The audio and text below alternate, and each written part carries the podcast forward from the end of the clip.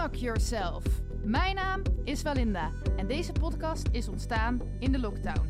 In deze podcast interview ik inspirerende mensen over hun levenslessen en wijsheden. Vaak zijn dit coaches, kunstenaars, muzikanten, creatieve ondernemers en mensen die de wereld willen verbeteren. Dus luister je mee?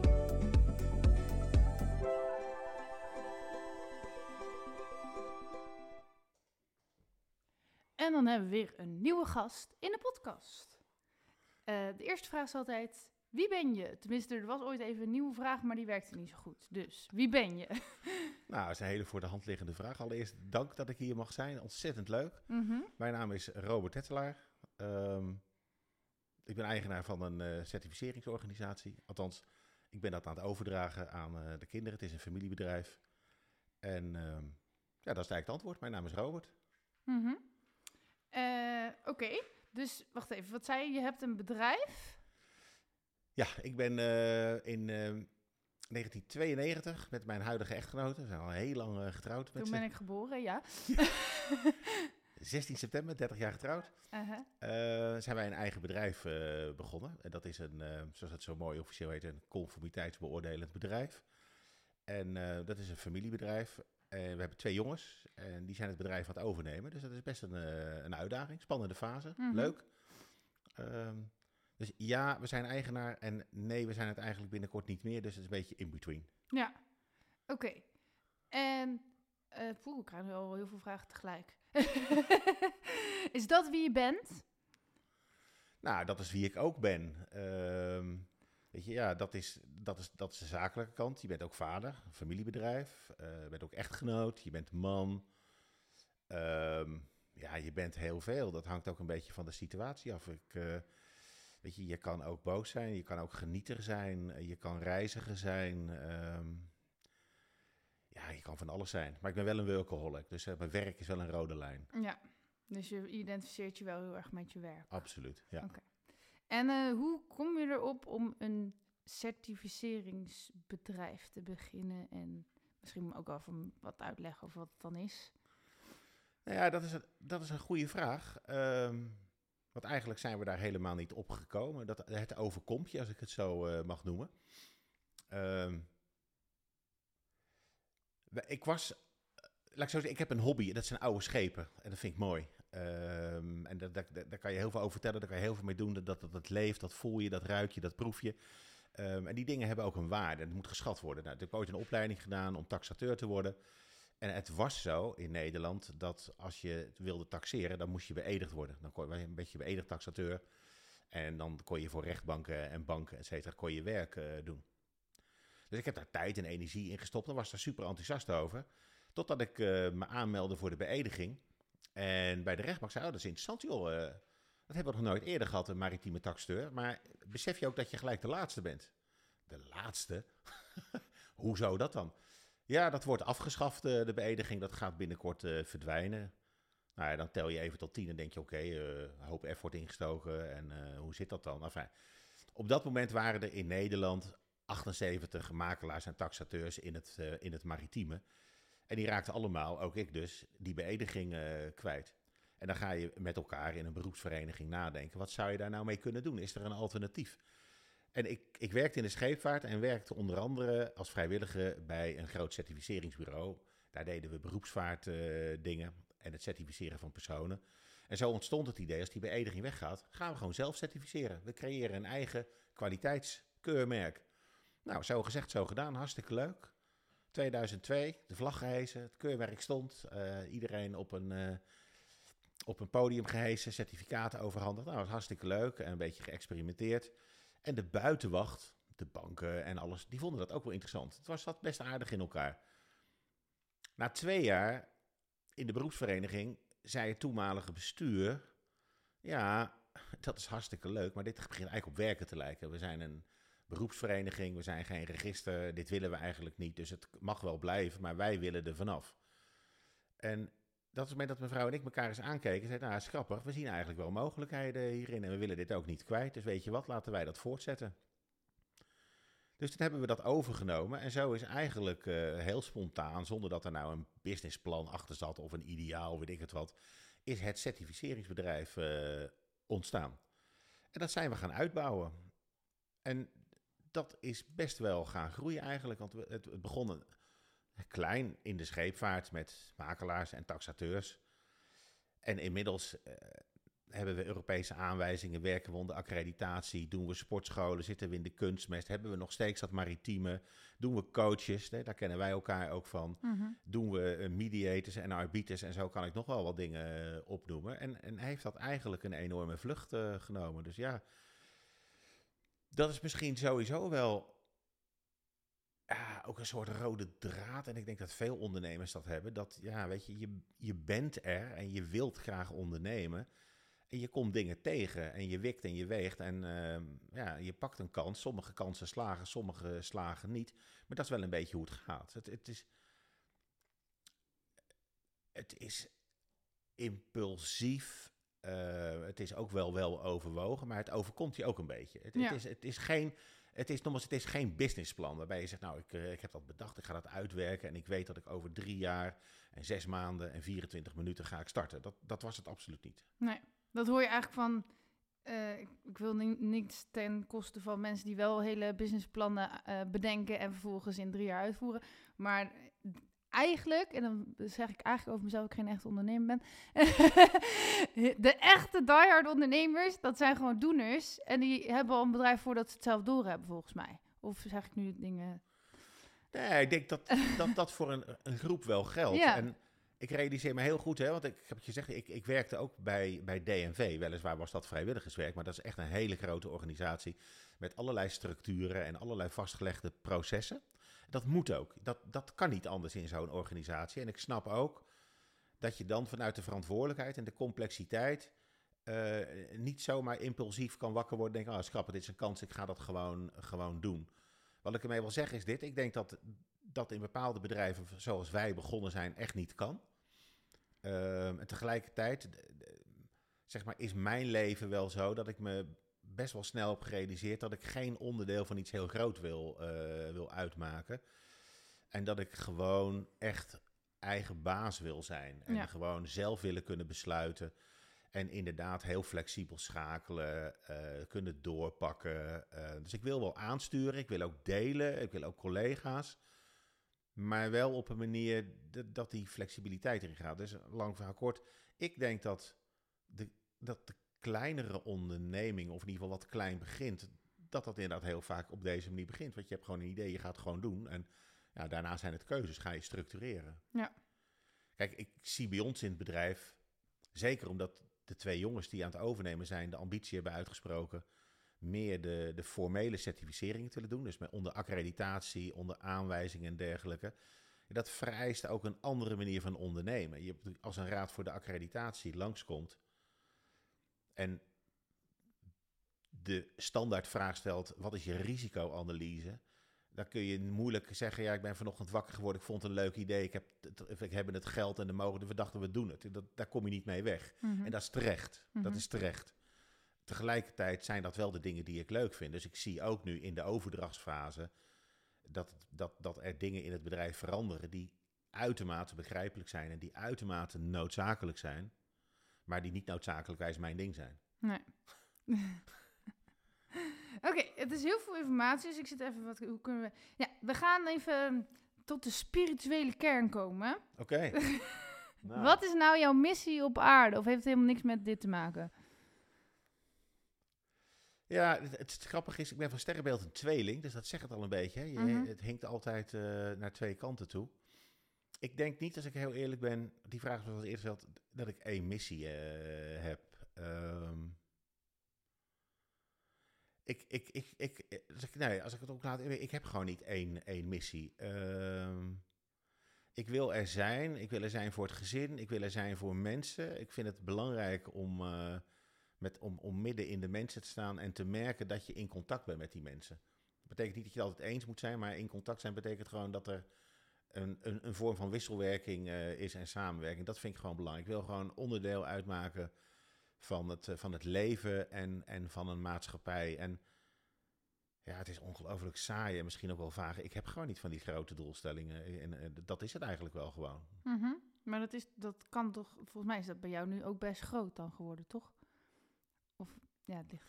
Nou ja, kijk, kijk, als ik ga kijken van hoe heb je daar een inhoud aan gegeven, dat, nou, dat, dat vind ik inderdaad leuk. Ik heb heel veel gezien van de wereld. Ik heb gevaren, ik heb op een aantal plekken gewoond en gewerkt. Ehm, we zijn nu op basis van het leven wat we leiden, wonen we privé in, in Duitsland en, eh, en in Zuid-Afrika. Nou, dat is, dat, weet je, voor heel veel mensen is dat, oh, wat is dat een ingewikkeld verhaal, op twee plekken wonen. Weet je, ja, dat is wat ik grappig vind. Ook Mhm. dat je in die twee culturen leeft en wat dat allemaal met zich meebrengt. Ehm, ja, ik heb ook nog een Nederlands paspoort, dus je bent ook nog Nederland. Het bedrijf is Nederlands. Dus ja, weet je, ja, dat ervaar ik als leven, als meer daarin staan. Ik, Ja. ehm, we zijn van het weekend teruggekomen uit, uit Johannesburg. Eh, eind september, begin oktober gaan we weer eh, terug. Ja, dat vind ik mooi. Ja, snap ik. Wie niet? Nou ja, weet ik niet. Ik weet niet of iedereen van uit Afrika houdt. Of sommige mensen houden van eh, gewoon altijd thuis blijven. Ja, maar het is, het is mooi dat je dat... Mhm. Weet je, als jij zegt, wie, wie ben je dan? Nou, ik, ben- Robert is onder andere iemand die het heel erg spannend vindt om te moeten leven in de wetenschap dat ik maar één plek heb. Ja. Ehm, ik, dat voelt voor mij niet prettig. Ik vind het gewoon super fijn dat ik, dat ik meerdere plekken heb en dat je een beetje kan, eh, kan hoppen. En voor mij is dat rust.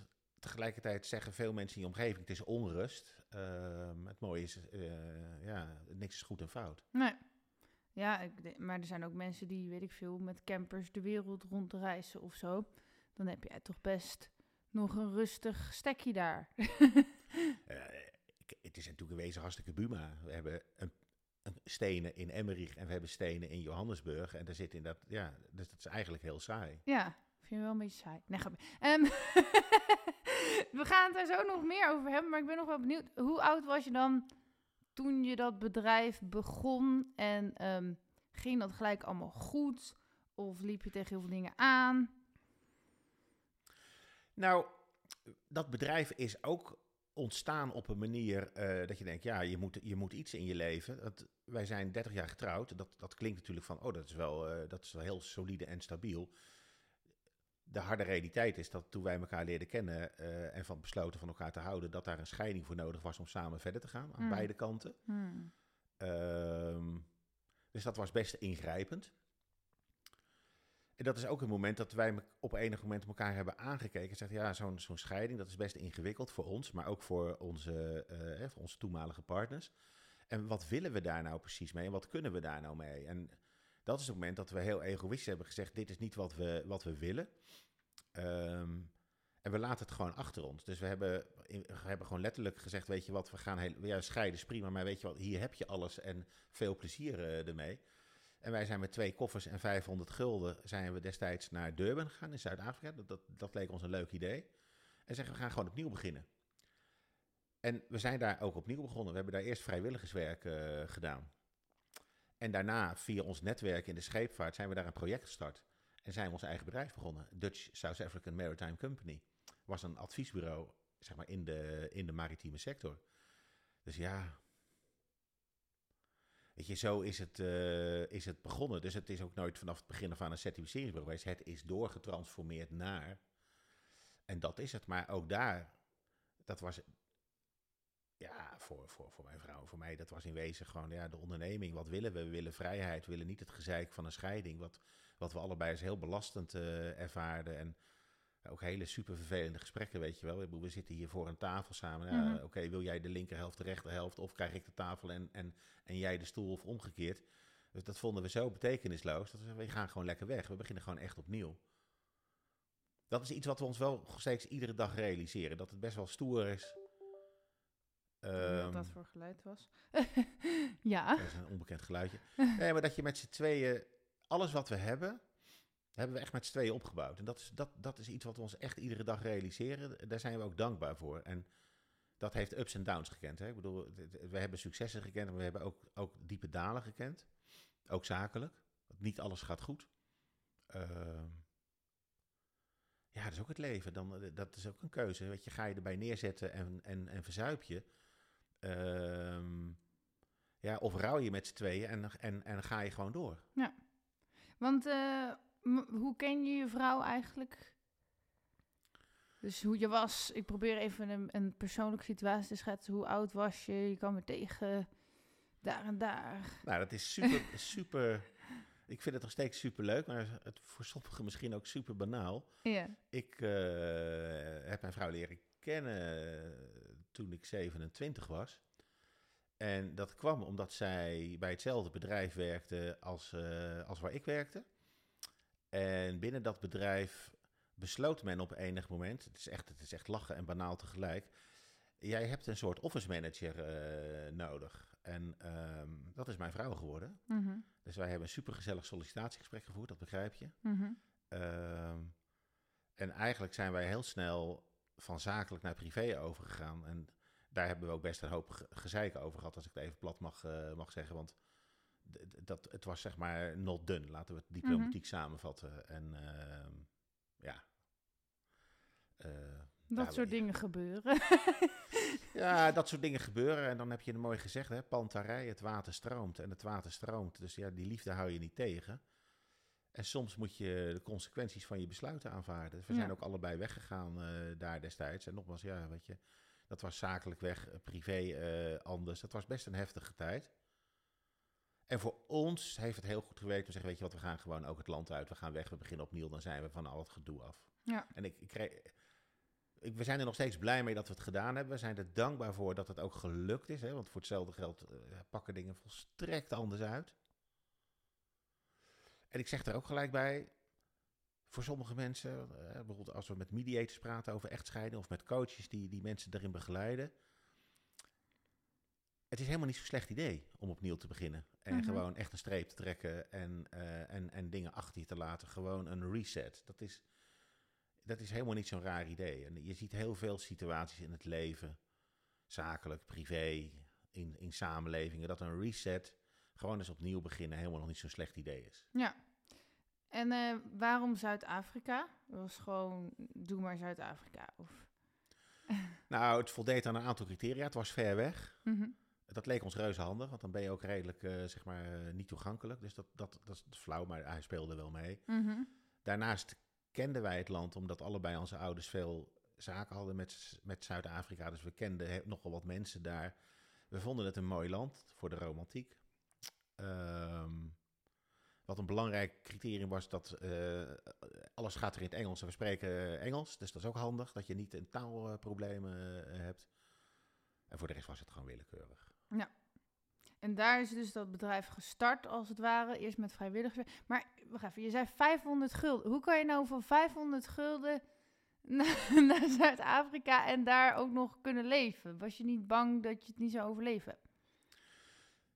Nou ja, dat was natuurlijk wel een zorg. Ja. Gaat, gaat, gaat dit goed? En eh, je- je- 500 gulden, het klinkt nu al helemaal als niks meer, Ja. hè? maar dat, het was toen ook niet veel. Nee.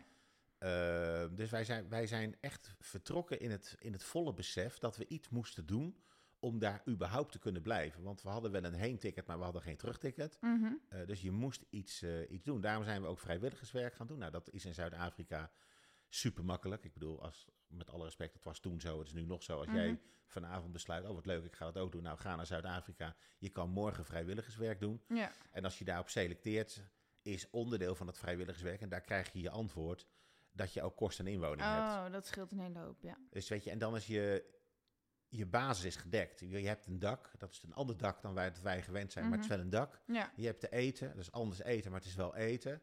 Ehm, ja, en daarmee kan je in ieder geval surviven. Ja. En dat hebben we gedaan. En vanuit dat ga je... eh, ja, en dan komt het ondernemen, ga je gewoon om je heen kijken. Wat zijn, wat zijn mogelijkheden? Wat zouden we kunnen doen? Wat vinden we dan leuk? Eh, ga je dat zelf doen? Of ga je dat met z'n tweeën doen? Ga je allebei apart iets doen? Ehm, ja, dan ga, je, dan ga je verder. En dan, eh, dan had je voor de rest, ja, ik zit nu heel erg in geld te denken, geen investeringsgeld voor nodig om dat dan daar te starten. Of kon je dat dan lenen? Nou ja, ik, ik, ik, ik ben geen fan van banken en van leningen, dus Nee. ik doe het graag zelf. Ja. Ehm, daar komt hij weer, hè? lekker eh, een beetje controlfreak, daar heb ik het in, hebben we het in de hand en daar zo zitten wij er samen in. Als dat je, je levenslijn is en je overtuiging, dan moet je ook zorgen dat je het zelf kan doen. En dat Ja. betekent dat je wel kan beginnen en dat je tijd kan investeren, dat je kennis kan investeren, dat je misschien eh, verplichtingen kan aangaan op een andere manier dan te betalen. Maar je hebt gewoon geen geld. Dus met, als dat de randvoorwaarde is, moet je binnen die randvoorwaarden handelen. Dus wij hebben heel veel dingen gedaan en afspraken gemaakt die, eh, die, die anders waren dan eh, ik ga bijvoorbeeld een kantoorpand huren of ik ga een auto leasen of weet je, ja, dat zat er allemaal in. Dat Nee. was er niet. Dus je gaat Nee. het op een andere manier doen. Dus je wordt er eigenlijk creatiever van. Nou ja, het leuke is, dat is zo heel erg Zuid-Afrika, dat ze daar ook heel flexibel zijn. Ja. Ehm, kijk, het grappige is dat in, in Nederland, ik zeg niet dat het niet kan, hè? Mhm. Maar in Nederland is het denk ik best een bijzonder gesprek als je tegen iemand zegt, eh, kunnen we ook gewoon in natura afspraken maken, kunnen we gewoon ruilen Mhm. in, met dingen. Ja, sorry, ik heb geen geld, dus kan ik iets anders eh, doen. Ik denk dat dat hier best, nou, hoezo, eh, een tikkie, ik moet geld Mhm. hebben, een factuurtje. Terwijl als je daar zegt, kunnen we iets ruilen? Je bent gelijk in gesprek, want iedereen begrijpt, oh, er komt geen geld, we gaan iets ruilen. Wat gaan we ruilen dan? Ja. Eh, Ik doe het trouwens ook wel eens hoor, maar ik eh, weet wel, het is niet gangbaar. Nee. Nee. En het leuke is, en dat is misschien ook weer iets voor vanavond, hè? Ook, eh, jij bent ook coach. Mhm. ja, hoe flexibel kan je en wil je daarin in zijn? Want als je gaat, met elkaar gaat ruilen, merk je ook gelijk dat je met twee linkerhanden staat. Want ja, wat is dan de waarde wat je aanbiedt en wat is de waarde wat je terugkrijgt? En ehm, ik bedoel, het is geen één gulden tegen één gulden. Dus je moet op een andere manier moet je dat gaan wikken en wegen en besluiten eh, nemen. En dat is het mooie wat reizen opgeleverd heeft. Dat heel veel dingen anders zijn zonder dat het goed of fout is. Maar dat je met name ook leert zelf en, en accepteert dat als je meegaat in zo'n andere flow, dat de wereld niet vergaat. Nee. En dat heel veel dingen op eenzelfde manier goed komen, terwijl de weg er naartoe totaal anders is. Ja. En ik ben echt blij dat ik dat heb, eh, heb mogen, mogen, mogen, mogen meemaken. En dat je ook in sommige situaties dat met anderen kan delen. Dat het niet altijd die eenrichtingsweg is, maar dat er ja, heel veel wegen zijn. En dat je daar verschillend naar kan kijken. En ja, de een wil de snelweg, de ander wil de B-weg, de volgende wil fietsen en de ander wil met de helikopter. En het gaat niet om goed of fout. Nee. Maar ik heb ook wel een keer gehoord. ehm, er vertelde laatst iemand mijn verhaal dat er een vrouw was. die ging ook bijvoorbeeld ergens in de jungle proberen te overleven. En toen uiteindelijk. Of misschien, ik weet niet eens meer wat het precies was. Nou ja, in ieder geval van die mensen die op avontuur gaan. En dan hebben ze dus een heel mooi verhaal. En dan, nee, je hoort bijna altijd zo'n verhaal dat het allemaal goed gaat. Maar er zijn natuurlijk ook gewoon mensen die doodgaan van de honger.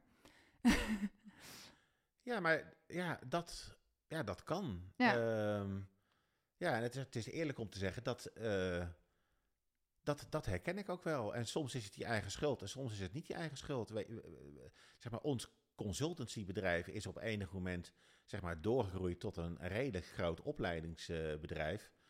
En de harde realiteit is in 2008, 2009, toen de bankencrisis begon, dat heeft drie maanden geduurd. En toen was de toko gewoon kapot. Ja, Eh, er, er- er was geen vraag meer naar opleidingen. Je had mensen in loondienst die wilden wel betaald worden. Dat verwijt ik ze niet, hè? begrijp me niet verkeerd. Maar waar geen geld is, kan je ook niet betalen. En dan, eh, ja, dan ontstaan er gewoon grote problemen. Dus weet je, dat je down kan gaan, ja, dat kan. En soms heb je gewoon een wild idee. Dan, eh, ja, weet je, dan, eh, ja, ik lees dat ook. Ja, dan gaan mensen iets doen. Ja, dat, dat werkt dan niet. Ja, wat ik dan altijd hoop is... eh, dat weer iets anders gaan doen wat wel gaat werken.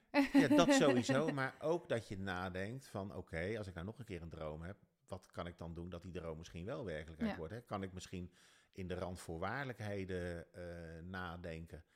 Weet je, en... Ik, ben een, ik vind zeezeilen ontzettend leuk. En ik- Mhm. soms vind ik het ook wel eens leuk om alleen te zijn. Ik mag eerlijk gezegd het beste ook af en toe is graag solo zeilen. Solo op, eh, op het water. Ik kan mij best nog wel momenten herinneren dat je wel eens met een, met een bootje de zee op ging. En dat je achteraf denkt, nou dat is grappig dat het kennelijk zo moest zijn dat ik terug ben. Eh, dat had ook anders kunnen aflopen. Ja. Wij hadden vroeger ook een boot, mijn ouders, eh, en we hadden een botter.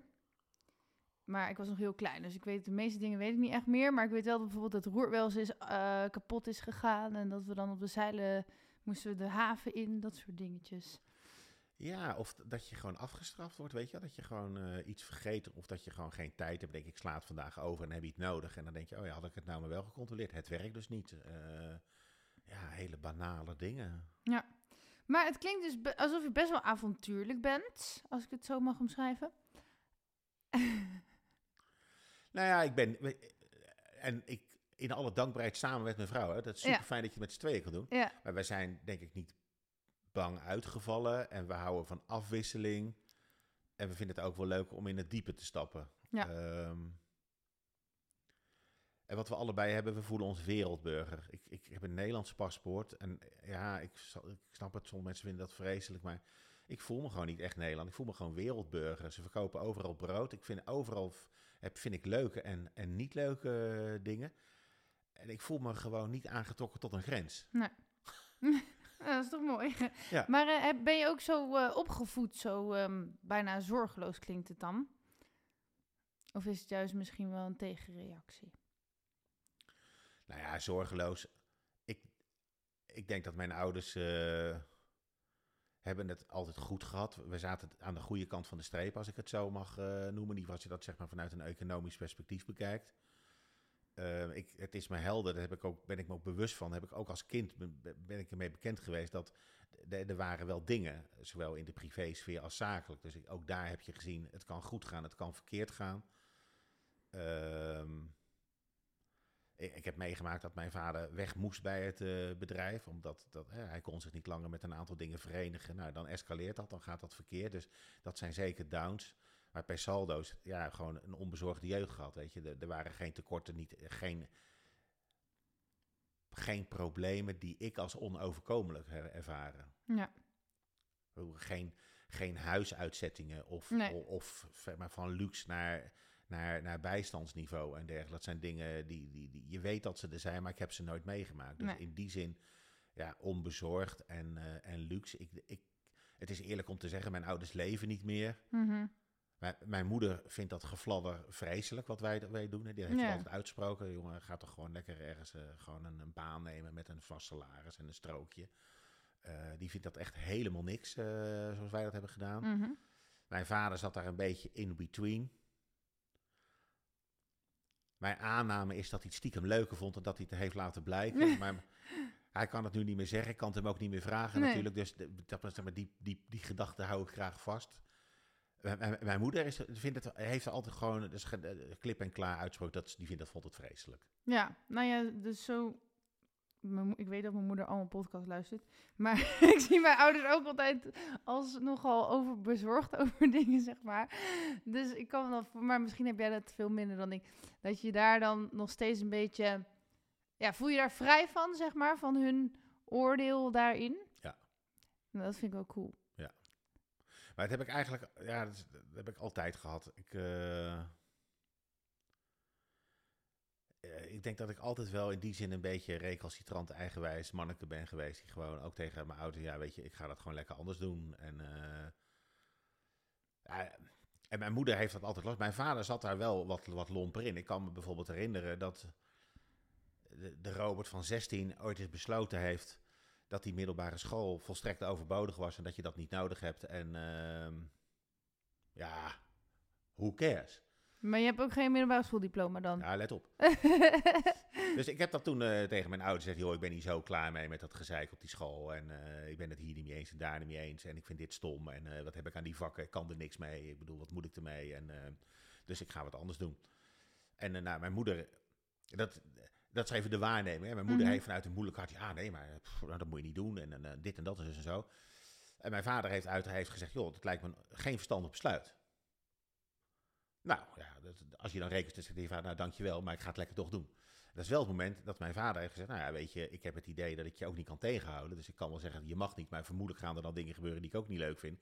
Dus ik zeg het volgende tegen jou, als jij dat wil doen, ik wens je heel veel plezier. Is alleen één ding, je moet wel je eigen zooi oplossen. Dus je hebt nu een toelage iedere maand van me, die hou ik in. Want je doet niet wat ik leuk vind en wat voor mij belangrijk is. Dus eh, als jij vindt dat je, zoek het lekker uit joh. Mhm. Nou, dus zo gezegd, zo gedaan. Dat, dat voel je aankomen. Dan, dan crash je de, de, de mannen. Nou, prima, pa. eh, nou, eh, ik kan dat wel hoor. Ik kan het ook wel zonder jou. Mhm. Het grappige is, dat heeft twee dingen opgeleverd. Inderdaad, één, de overtuiging, ik kan het inderdaad, want ik had best wel heel snel een baantje te pakken. Maar dat leverde ook op dat mijn ideaalplaatje, dat iedereen op mij zat te wachten en dat ik die school niet nodig had, was natuurlijk snel aan duigen. Mhm. Want alles wat je ging doen, heb je een diploma, heb je dit, heb je dat. Al die dingen die ik vreselijk vond. En je leerde ook dat je tegen iemand kon zeggen, ja, maar dat is niet belangrijk joh. Want ik, eh, die mensen, ja, dat is interessant dat jij dat vindt, maar wij vinden dat anders. Dus eh, het is dat of dat en anders eh move joh. Ja. Oh, oké. Lang verhaal kort, dat is het antwoord. Ik heb toen staatsexamen gedaan, want ik had geen zin om terug te gaan naar school. Dus merk op het gevecht, hè, maar ook hoe vind je de weg. Mhm. Dus ik denk, ik ga niet terug naar school. Want dat is slecht voor die school en slecht voor mij. Maar ik heb kennelijk dat diploma nodig. Ik ga het zelf doen. Dus staatsexamen gedaan, alle boeken gekocht. Her en der hulp gehad. Daar ben ik nog steeds dankbaar voor, voor die mensen die dat gedaan hebben. Maar staatsexamen gedaan. Dus ik heb wel een diploma, maar niet op de normale manier. En, en daarna wel nog gestudeerd en dat soort dingen. Maritieme bedrijfskunde gedaan. Ja, dat, is- dat is ook wel... Ja, je hebt dus iets met boten, blijkbaar. Alles is boten. Nee, maar hoe, hoe is dat ook vanuit je opvoeding of hoe kom je daarbij? Mijn, mijn ouders hebben allebei in de scheepvaart gewerkt. Mijn vrouw, de hele familie komt uit de visserij. Dus bij ons is alles sch- scheepvaart. Ja. En ik heb altijd gezegd vroeger, ik wil of gaan varen of ik wil weg- en waterbouw eh, gaan, eh, gaan doen. Dus ik heb gevaren. Eh, Daar heb ik ontzettend veel plezier aan eh, beleefd. Maar op een gegeven moment ben je ook weer uitgevaren. Ehm, en ik heb maritieme bedrijfskunde gedaan. Ik vind die trouwens raar ruiken, maar ik weet niet wa- waar het naar ruikt. Ik ruik niks. Niet? Oh, dan zal het aan mij liggen. Ehm, even kijken. Ehm, even kijken. Ja, wat vind je interessant en belangrijk aan hetgene wat je doet?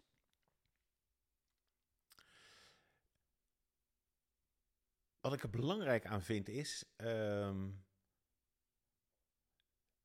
dat ik zie dat heel veel mensen die kiezen voor certificering, eh, dat als een bewuste keuze voor zichzelf doen en dat het een middel is om beter te worden, eh, om zwakke dingen eruit eh, te halen ehm, en verbetermaatregelen te nemen. En dat vind ik superleuk om, om te zien.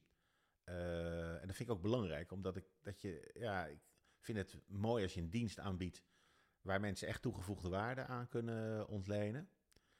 En er is een grote groep die certificering daadwerkelijk gebruikt als een verbeterinstrument. Eh, en dat vind ik mooi. Eh, en dat vind ik ook mooi omdat het gevecht met kwaliteitsboring heel vaak is, oh, eh, het is verplicht, het mot. Dus ja, we willen het niet, maar goed, we doen het dan maar. En ik snap dat en dat, dat is ook zo in sommige gevallen. Het is soms verplicht en dan moet je ook. En als je er even doorheen prikt en je zegt, oké, het moet, maar wat kan ik er dan mee? Hè? Kan, dan, dan zijn er veel mensen, ik denk dat dat toch eh, pak een beetje zo'n driekwart eh van certificaathouders eh, is, die het echt gebruiken om te verbeteren. En dat vind ik mooi. Dan, dan ben je in contact met elkaar. Als je dan audit, dan is het niet om te ontdekken wat er, zeg maar, wat er fout is. Want dat is, dat is vaak, ja, er komt een auditor en die gaat kijken wat er fout is. Nee, je komt kijken op basis van een norm en je gaat samen na, voldoe je eraan, kan het anders of kan het beter? Dat is het idee. Dat vind ik mooi. Maar dat is eigenlijk ook weer tegenstrijdig op jouw diploma-verhaal misschien. Ja. Want jij vond eigenlijk dat je zonder diploma wel de arbeidsmarkt op kon. Eh, nou ja, daar ben je dan wel op teruggekomen. Maar snap je dat het erg staat? Het is wel een beetje een contrast. Ja, tuurlijk. Want in principe, als je naar mijn leven kijkt, dan zijn er mensen die zeggen het is best een beetje anarchistisch. Ehm, en hoe kan het nou dat een anarchist rechte lijnen gaat kleuren met certificeren? Dat, ja, dat, ik weet daar zelf ook het antwoord niet precies op. En, en aan de ene kant, ehm, ja, privé is het misschien vlierenfluiten. Ehm, maar ik hou ook wel heel erg van, eh, van, van, van, van structuren. Ik, bedoel, ik vind het, oh, een flauw voorbeeld nog noemen. Ik vind het dus gewoon niet prettig om te laat te zijn. Ik ben liever ergens een kwartier te vroeg of dat je ergens nog een rondje rijdt. Dan dat ik vijf minuten te laat ben. Ja, dat, je, dat, dat, dat is ook Robert. Mhm. Ik denk Maar- dat heel veel, heel veel mensen zijn wel... Tenminste is mijn ervaring dat sommige mensen komen over als heel chaotisch of vlierenfluiterig. Alleen dan ergens is er iets wat het weer in balans brengt, waardoor ze dan wel heel structureerd zijn. Bij mezelf ook van, eh, heel veel mensen vinden mij chaotisch. eh, maar ik heb echt een planner, dat is elk uurtje uitgepland, zeg maar. Niet dat ik me daar 100% aan kan houden. Maar anders gaat gewoon alles mis in mijn leven, dus ik moet wel, zeg maar. En zo zie je heel vaak bij mensen die chaotisch lijken, dat ze toch stiekem allemaal structuurtjes hebben die dan niet zo opvallen, waardoor, ja. Ja. Ja, dat herken ik wel. En, en soms loop je dan tegen beperkingen aan. Eh, ja, al dan niet opgelegd door anderen. Ik wil je daar een, een mooi voorbeeld van Mhm. geven. Hè, over, over, zeg maar, over behoefte aan orde. Dat je soms denkt, waar maak je nou toch druk over? Maar ja, dat je het niet kan laten. In, eh, in Zuid-Afrika is het heel gebruikelijk dat je een huishoudelijke hulp eh, hebt. Ja. En wat er ook heel gebruikelijk is, en salarissen zijn niet zo hoog, dat er wordt altijd wel iets gejat. Mhm. En een van de dingen die populair zijn om, om, eh, om, om mee te nemen, is bijvoorbeeld wc-papier. Dus je grijpt gewoon een keer mis. En wat ik daar bijvoorbeeld heb geleerd is dat mijn westerse model en enigszins begrijpen dat je tekorten hebt en dus iets pakt, maar anderzijds die behoefte aan structuur, heb ik op een gegeven moment met, met onze huishoudelijke hulp besproken, joh, ik, ik, ik, ik weet dat je dat meent, vind ik ook helemaal niet erg, maar het zou mij helpen als ik kan afspreken, wat wil je nou hebben per maand? 10 rollen, 20 rollen, zeg het dan gewoon, dan zet ik ze gewoon klaar voor je, dan kan je ze meenemen. En wat mooi is, want we hadden een goed contact eh, met haar. Zij heeft toen uitgelegd, weet je, het gaat niet alleen om het tekort, maar het heeft ook iets met, zeg maar, met, met de, de, de kick te maken. Het heeft ook iets met het verleden te maken. Het heeft iets te maken met de afstanden en dat je iets, iets, iets meeneemt eh, van een ander. Dus er zit een, een ruimere wereld achter. En als we gaan doen wat jij zegt, dat er gewoon 20 rollen klaarstaan, dan heb ik wel die rollen, maar alle andere dingen zijn niet ingevuld. Dus eh, eh, kan jij niet gewoon accepteren dat ik die dingen gewoon meeneem, dat je af en toe een keer misgrijpt? dat is wel heel tegen Nederlandse cultuur, zeg maar. Nou ja, weet je, dat is dan, dat is dan een leermomentje. Maar dat, dat is wel wat ik...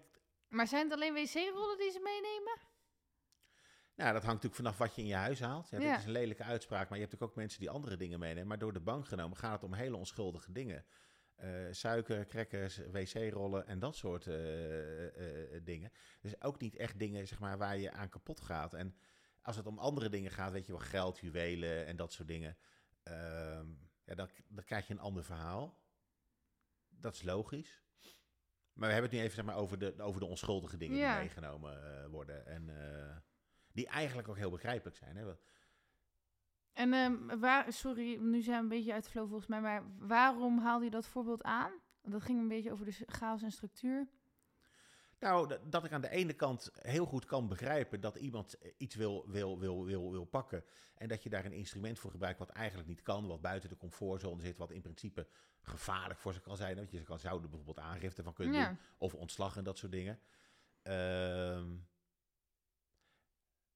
een, een, een opmerkelijke eh, interne waarneming. Dat je het gewoon super vervelend vindt als je miskrijgt. Dat je dat dus ge- geregeld wil hebben. Dat je daar een westers model op loslaat. Kunnen we inbreken structureren? En dat je dan een wijze levensles krijgt. Dat dat wel kan, maar dat we dat dus gewoon niet gaan doen. Ja. En eh, stel dat je een inbreker in je huis zou betrappen, ga je dat dan ook proberen te structureren? Nee. Weet je dat ik hoop dat Nee. als er een inbreker komt, maar ik wil ze niet uitnodigen, even voor duidelijkheid. Maar stel dat, ik hoop het dus nooit, ehm, dan hoop ik dat ik gewoon zo stoer ben dat ik gewoon zeg, wil je koffie? En in de hoop dat, dan, dat, dat je dan zo aardig bent dat ze dan denken, ah, laat maar zitten. Nou ja, het... Ik ben al... Zuid... Zuid... Zuid-Afrika is niet de enige plek waar heel veel mensen wonen en leven die het gewoon slecht hebben. Mhm. Ehm,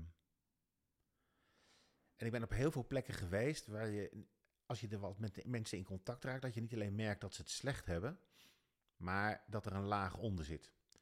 En de laag die eronder zit is een, een laag van, van, van uitzichtloosheid. En ook van systemische uitzichtloosheid. Hè? Dat, dat je ervaart dat niet alleen zij, maar ook hun ouders en opa en oma en over over, et cetera, het ook hadden. En dat er een, een, een systeem van gebroken beloftes achter zit.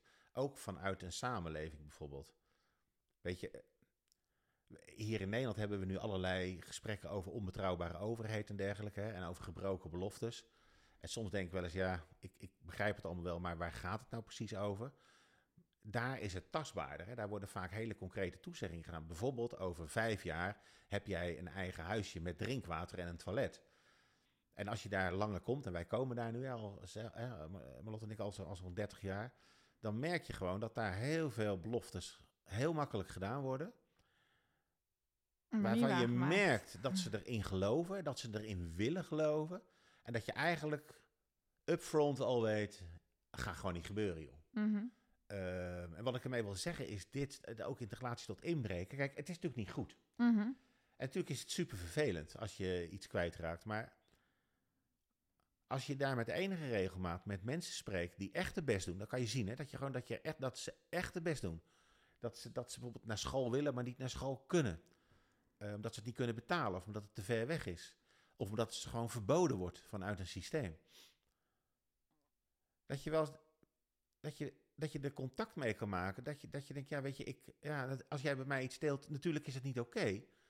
maar joh, ik begrijp het. Ik kan eigenlijk ook gewoon niet kwaad op je worden. Gewoon. Ik bedoel, ja, weet je, gewoon, ja.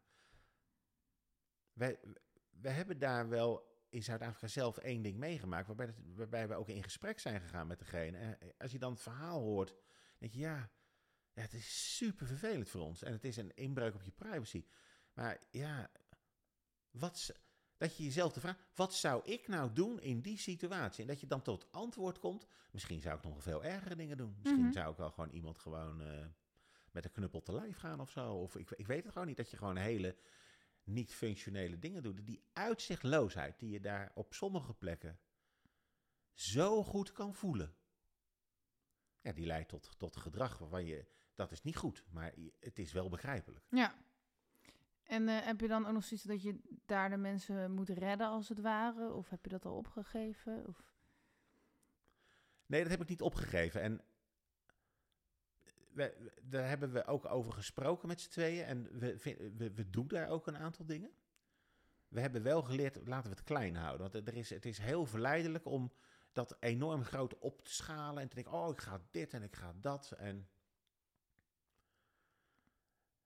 voor ons is het prima als we kleine dingen doen. Dus om, eh, om een voorbeeld te geven, we hebben nu een, eh, een, eh, een huishoudelijke hulp die we heel graag een rijbewijs hebben. Nou, dat kost daar best wat geld.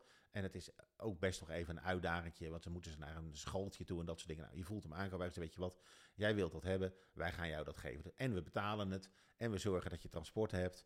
We zorgen dat je huiswerkbegeleiding krijgt. Ehm, en dan hoop je dat als er iemand dat heeft, dat het haar oplevert wat ze verwacht dat het zou opleveren.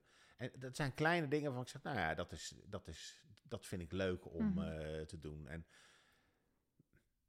we hebben bijvoorbeeld bij ons in de, in, in de straat, het gaat over kleine dingen, maar de, er worden net zo hier in Nederland worden vuilnisbakken gelegd. Die dingen die zijn vuil, het is daar een stuk warmer, het is handig als die schoongemaakt worden.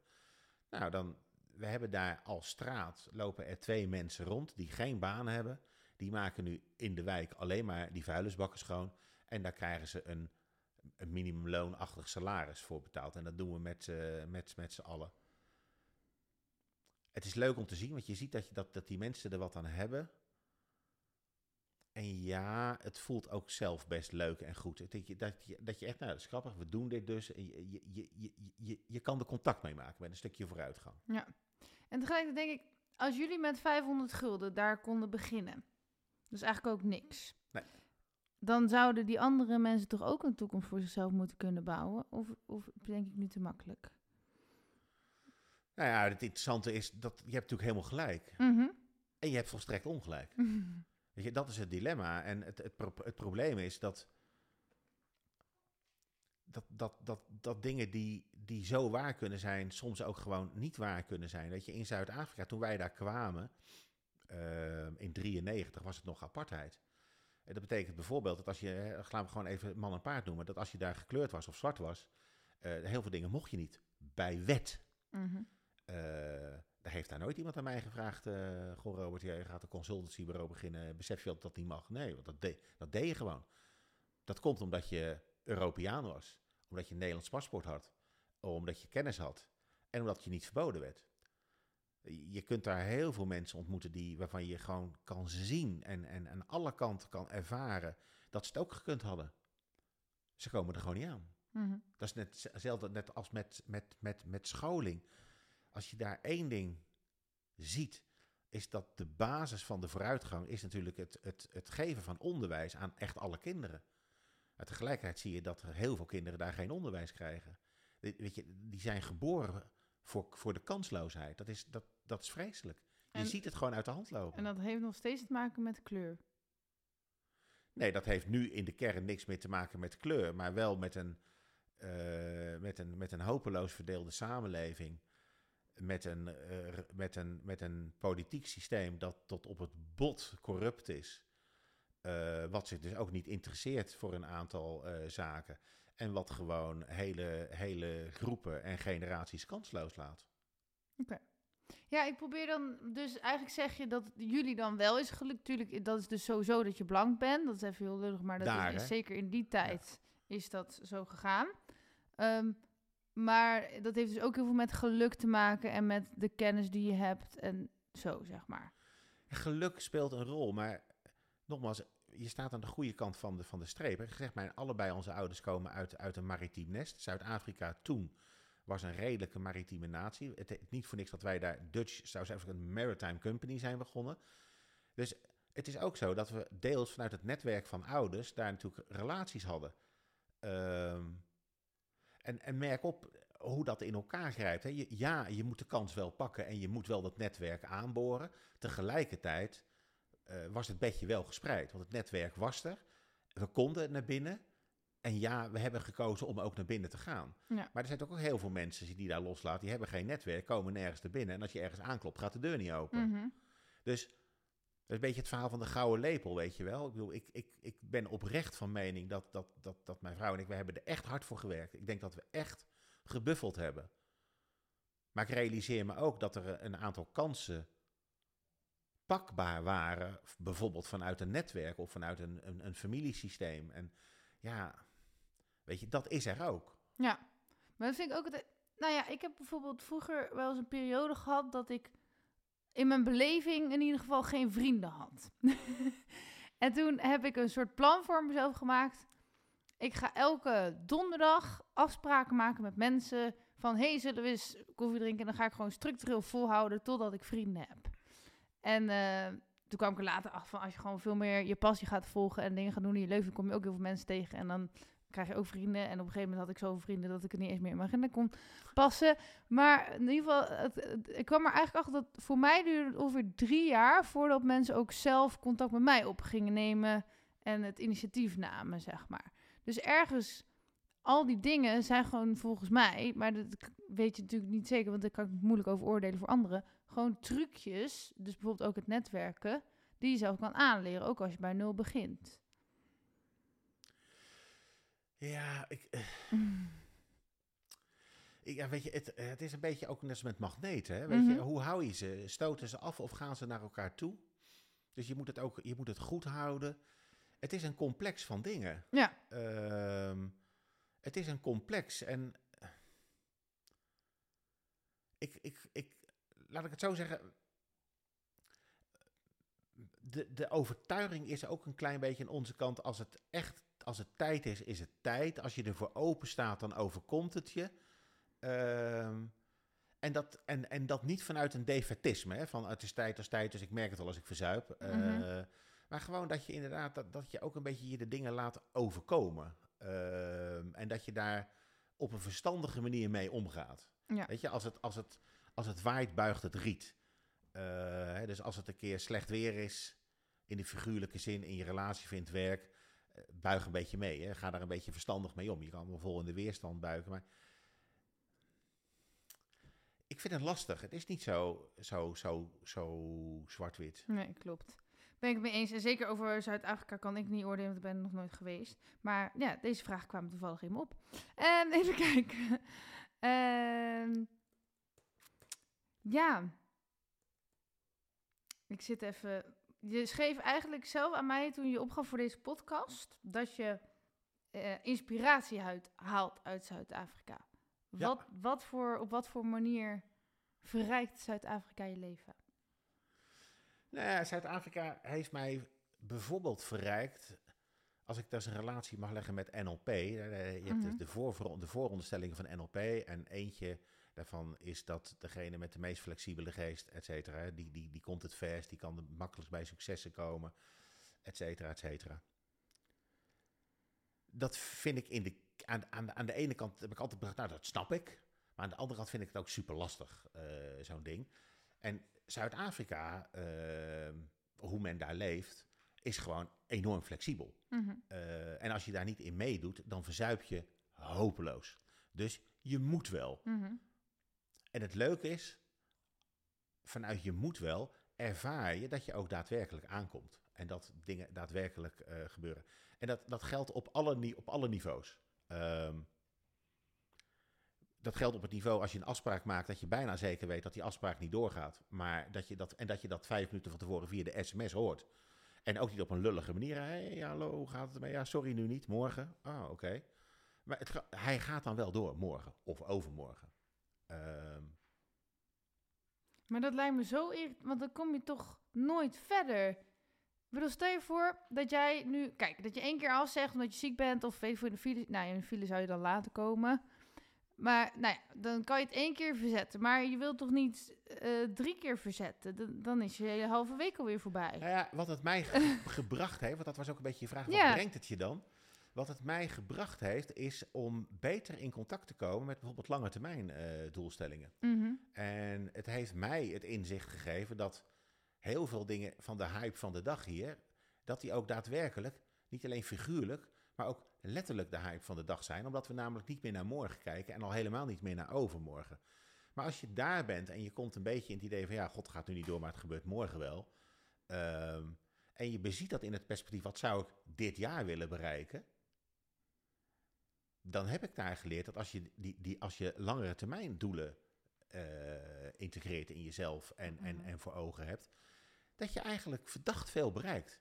Ehm, en als je dan, en dat is het leuke van reizen, Mhm. als je dan op een rustig moment eens reflecteert, hé, hey, ik, ik zit daar en ik zit hier, en je vergelijkt dat met elkaar, dan zijn er ook situaties eh, dat je denkt, nou grappig, eigenlijk kom ik hier in de, met dat laissez-faire en, en eh, al die dingen die je vreselijk vindt, last minute afzeggingen en al Mhm. die vreselijke dingen. Nou ja, eigenlijk vind ik het niet eens. Van nature s- ben ik ook wel laissez-faire. Alleen ja, in, deze, in Nederland leer je dat niet meer te zijn. Ja, nou ja, wat ik ga op zeggen is, ik gun mensen, Nederlanders, Mhm. Europeanen, wat meer van, van, van dat soort zuidelijke eh, inzichten. Omdat dat dat ook heel erg kan bijdragen. Ja. Ehm, wat je daar bijvoorbeeld ook heel erg leert, is dat het nemen van tijd voor jezelf op een enorme manier eh, ruimte kan scheppen. Dat je de volgende dag of in die week of in, of in een project gewoon beter functioneert. En dat het helemaal niet zo hoeft te zijn hier dat je eh 23 uur en 59 minuten performt om één minuut te slapen, omdat daarna de wekker weer gaat. En ik zeg niet dat het slecht is hè, hier, Mhm. begrijp me niet verkeerd. Het zegt alleen wel, je ziet dat dingen daar anders gaan en dat dat anders lang niet altijd tot een minder resultaat leidt. Zelfs als je het objectief meet. Ja, oké. Het is grappig hè, Mhm, dat in een land waar een aantal dingen zo ongestructureerd zijn, mhm. op dit moment zoveel automotive industrie zit. Er worden heel veel auto's gebouwd.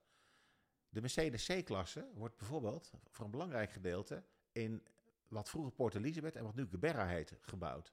Dat is eigenlijk grappig. Deutsche Grundigkeit, gebouwd in de Zuid-Afrikaanse chaos. Ja. Ik vraag me wel af hoe dat dan kan eigenlijk. Dat het resultaat dus niet per se achterblijft. Want, Ja, want, is, want het lijkt in Nederland goed allemaal gericht. Omdat we betrouwbaar zijn. Doordat we op tijd komen, onze afspraken nakomen, deadlines hebben. Dat soort dingen.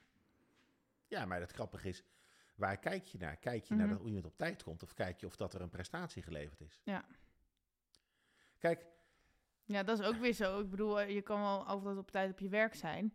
Alleen als je dan helemaal geen drol uitvoert, kan je beter te laat komen en heel veel doen. nou ja, kijk, een van de dingen die we bijvoorbeeld, wat, mij, nou, wat naar mijn inzicht van COVID geleerd hebben, Ja, eh, is dat zeg maar, de benadering van 9 tot 5, dat een beetje een achterhaald principe is. En ik snap het, hè, bij sommige ber- beroepen kan je niet anders.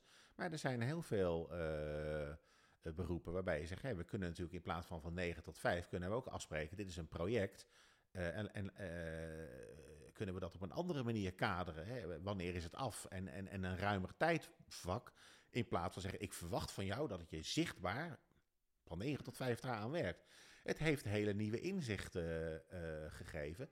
En dat vind ik interessant. En mij helpt zo'n andere cultuur mhm. om daar ook flexibeler mee om te gaan. Omdat Ja. ik, ik, ik, vind- ik, vind Europa echt een super, eh, super continen- continentsdeel. Maar het is soms wel heel rigide. Mhm. En daar leer je dat, dat, dat, dat er andere dingen wellicht rigide gaan, maar dat, dat flexibiliteit of wat, wat laconieker ermee omgaan niet per definitie slecht hoeft te zijn. Nee. En dat vind ik, eh, vind ik mooi. Ik vind dat ook interessant, hè? want ook vanuit mijn perspectief, vanuit een certificeringsbedrijf, eh, je, je, zie je bijvoorbeeld dat, dat heel veel mensen momenteel minder willen werken. En je Mhm. ziet ook dat er op een aantal gebieden weliswaar een tekort is aan arbeidskracht, maar je ziet ook dat er gewoon banen verdwijnen. Er gaan gewoon sectoren onderuit. Kijk Mhm. bijvoorbeeld naar, naar een visserij. Ik, ik vind het super interessant om met elkaar na te denken in een samenleving. Hoe gaan we daar nou mee, mee om? Ehm, en wat zou er eigenlijk mis mee zijn als een aantal mensen nou niet willen werken en je ziet ook dat ze slecht functioneren? Moet je dan niet bijvoorbeeld niet eens nadenken over een, over een, eh, een basisinkomen voor iedereen, zodat je een aantal mensen kan, kan faciliteren? Ben ik het mee eens. Ehm, moet je niet eens nadenken over, over iets anders dan alleen loonbelasting? Hè? Bijvoorbeeld, als je naar het financiële stelsel kijkt, alles is, is gebaseerd op het oude systeem. Maar als je inkomsten gaat genereren, niet meer via loon, maar doordat machines, PC's en dergelijke dingen gaan overnemen, Wat gaat moet je, gebeuren? moet ja. je dan niet heroriënteren ten opzichte van je financiële stelsel? Weet je, dat vind ik echt, dat vind ik echt interessante eh, g- gesprekken. Die vind ik ook fundamenteel, Mhm. omdat het volgens mij een, een voorwaardelijkheid is om als samenleving verder te gaan. Alleen, ik ben wel benieuwd hoe, want voor mezelf dan, hoe de samenleving er over, weet ik veel, tien jaar uitziet of nog langer of korter. Eh, want waarschijnlijk gaan robots heel veel dingen van ons overnemen. De AI gaat heel veel dingen van ons overnemen. Ja. Maar wat, kun, wat doen we dan nog zelf? Nou ja, dat is natuurlijk een, dat is een levensvraag die je Ja. nu stelt. En ehm, ik denk dat je daarover over, over moet nadenken. En ik denk dat er in toenemende mate een aantal mensen misschien wel het harte antwoord willen geven. Ja, ik wil gewoon alleen nog maar plezier hebben. En de klassieke reflex is, ja, dat kan niet, die moet gewerkt worden. En die begrijp ik ook, hè. Maar misschien zijn er ook wel andere oplossingen. En ik denk dat, je, dat de uitdaging van nu vooral is hoe we als samenleving met elkaar met deze transitie willen omgaan en hem leefbaar houden.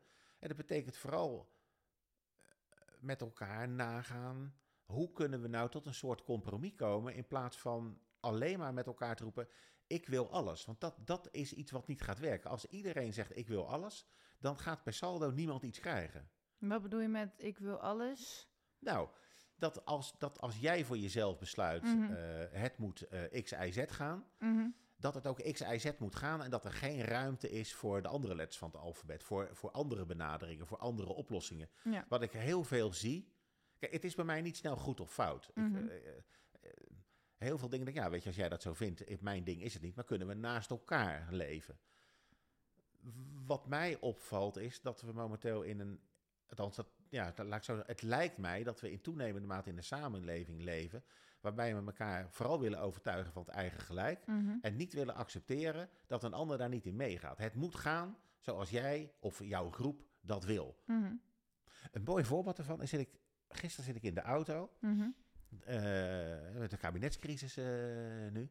En toen was er iemand van de, de, de, de Farmers Defence Force, heet dat eh, geloof ik. En die, die, die legde uit, ja, we denken erover na eh, om een eigen politieke partij te beginnen. is nog niet zeker, want ja, we hebben natuurlijk wel de BBB. Maar ja, de vraag is eventjes, gaat dat wel goed? Want in de provincies en eh, veel compromissen gesloten. En we krijgen niet alles. Ik denk, ja, dat is grappig. Eh, want als jij dat uitspreekt, vriend, dan weet je één ding zeker. Zodra jij die partij begint, heb je natuurlijk je eigen interne weerstand al gecreëerd. Want jij gaat ook niet alles halen. Nee. Dus hoe zinvol is dat nou? En wat is er nou voor nodig om met elkaar ergens daar een evenwicht in te vinden? Nou, dat vind ik super interessant. En wat denk je dat daarvoor nodig is?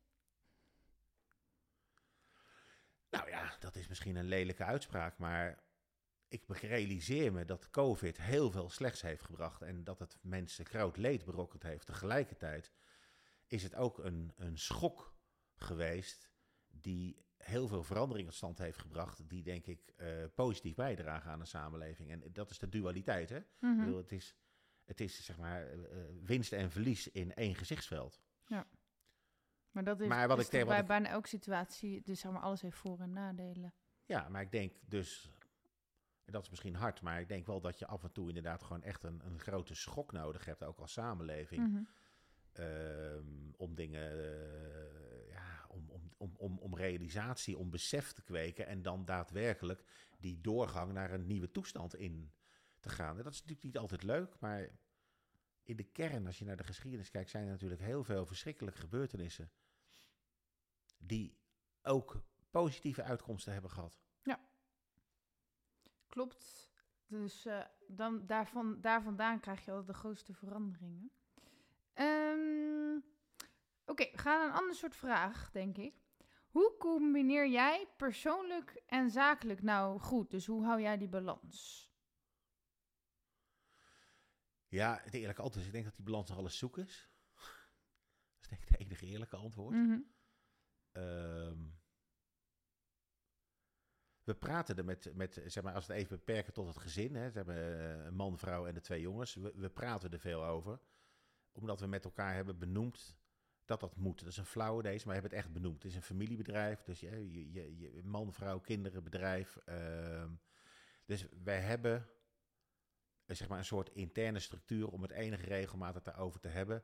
En ook dingen te doen waarvan we weten eh, dat dat even geen werk is en, en, en dat het leuk is. Of dat, dat kan uit etentje zijn, dat, dat kan eh, even ergens naartoe gaan zijn. Eh, we zoeken vooral de momenten. Ja. En als ik naar, zeg maar, naar, naar Marlotte en mezelf kijk, mijn vrouw en mij, dan wat wij belangrijk vinden is eh, gewoon bijvoorbeeld een dagje wellness. Het is echt, he- het is echt een hele flauwe dit. Ik snap ook dat het allemaal weer luxe is, maar gewoon een dagje sauna, stoombadderen, genieten. eh, en gewoon even eruit, even resetten. Mhm. Ik heb solozeilen genoemd. Gewoon even de zee op, even het water op, even uitwaaien. Eh, jij hebt een hond.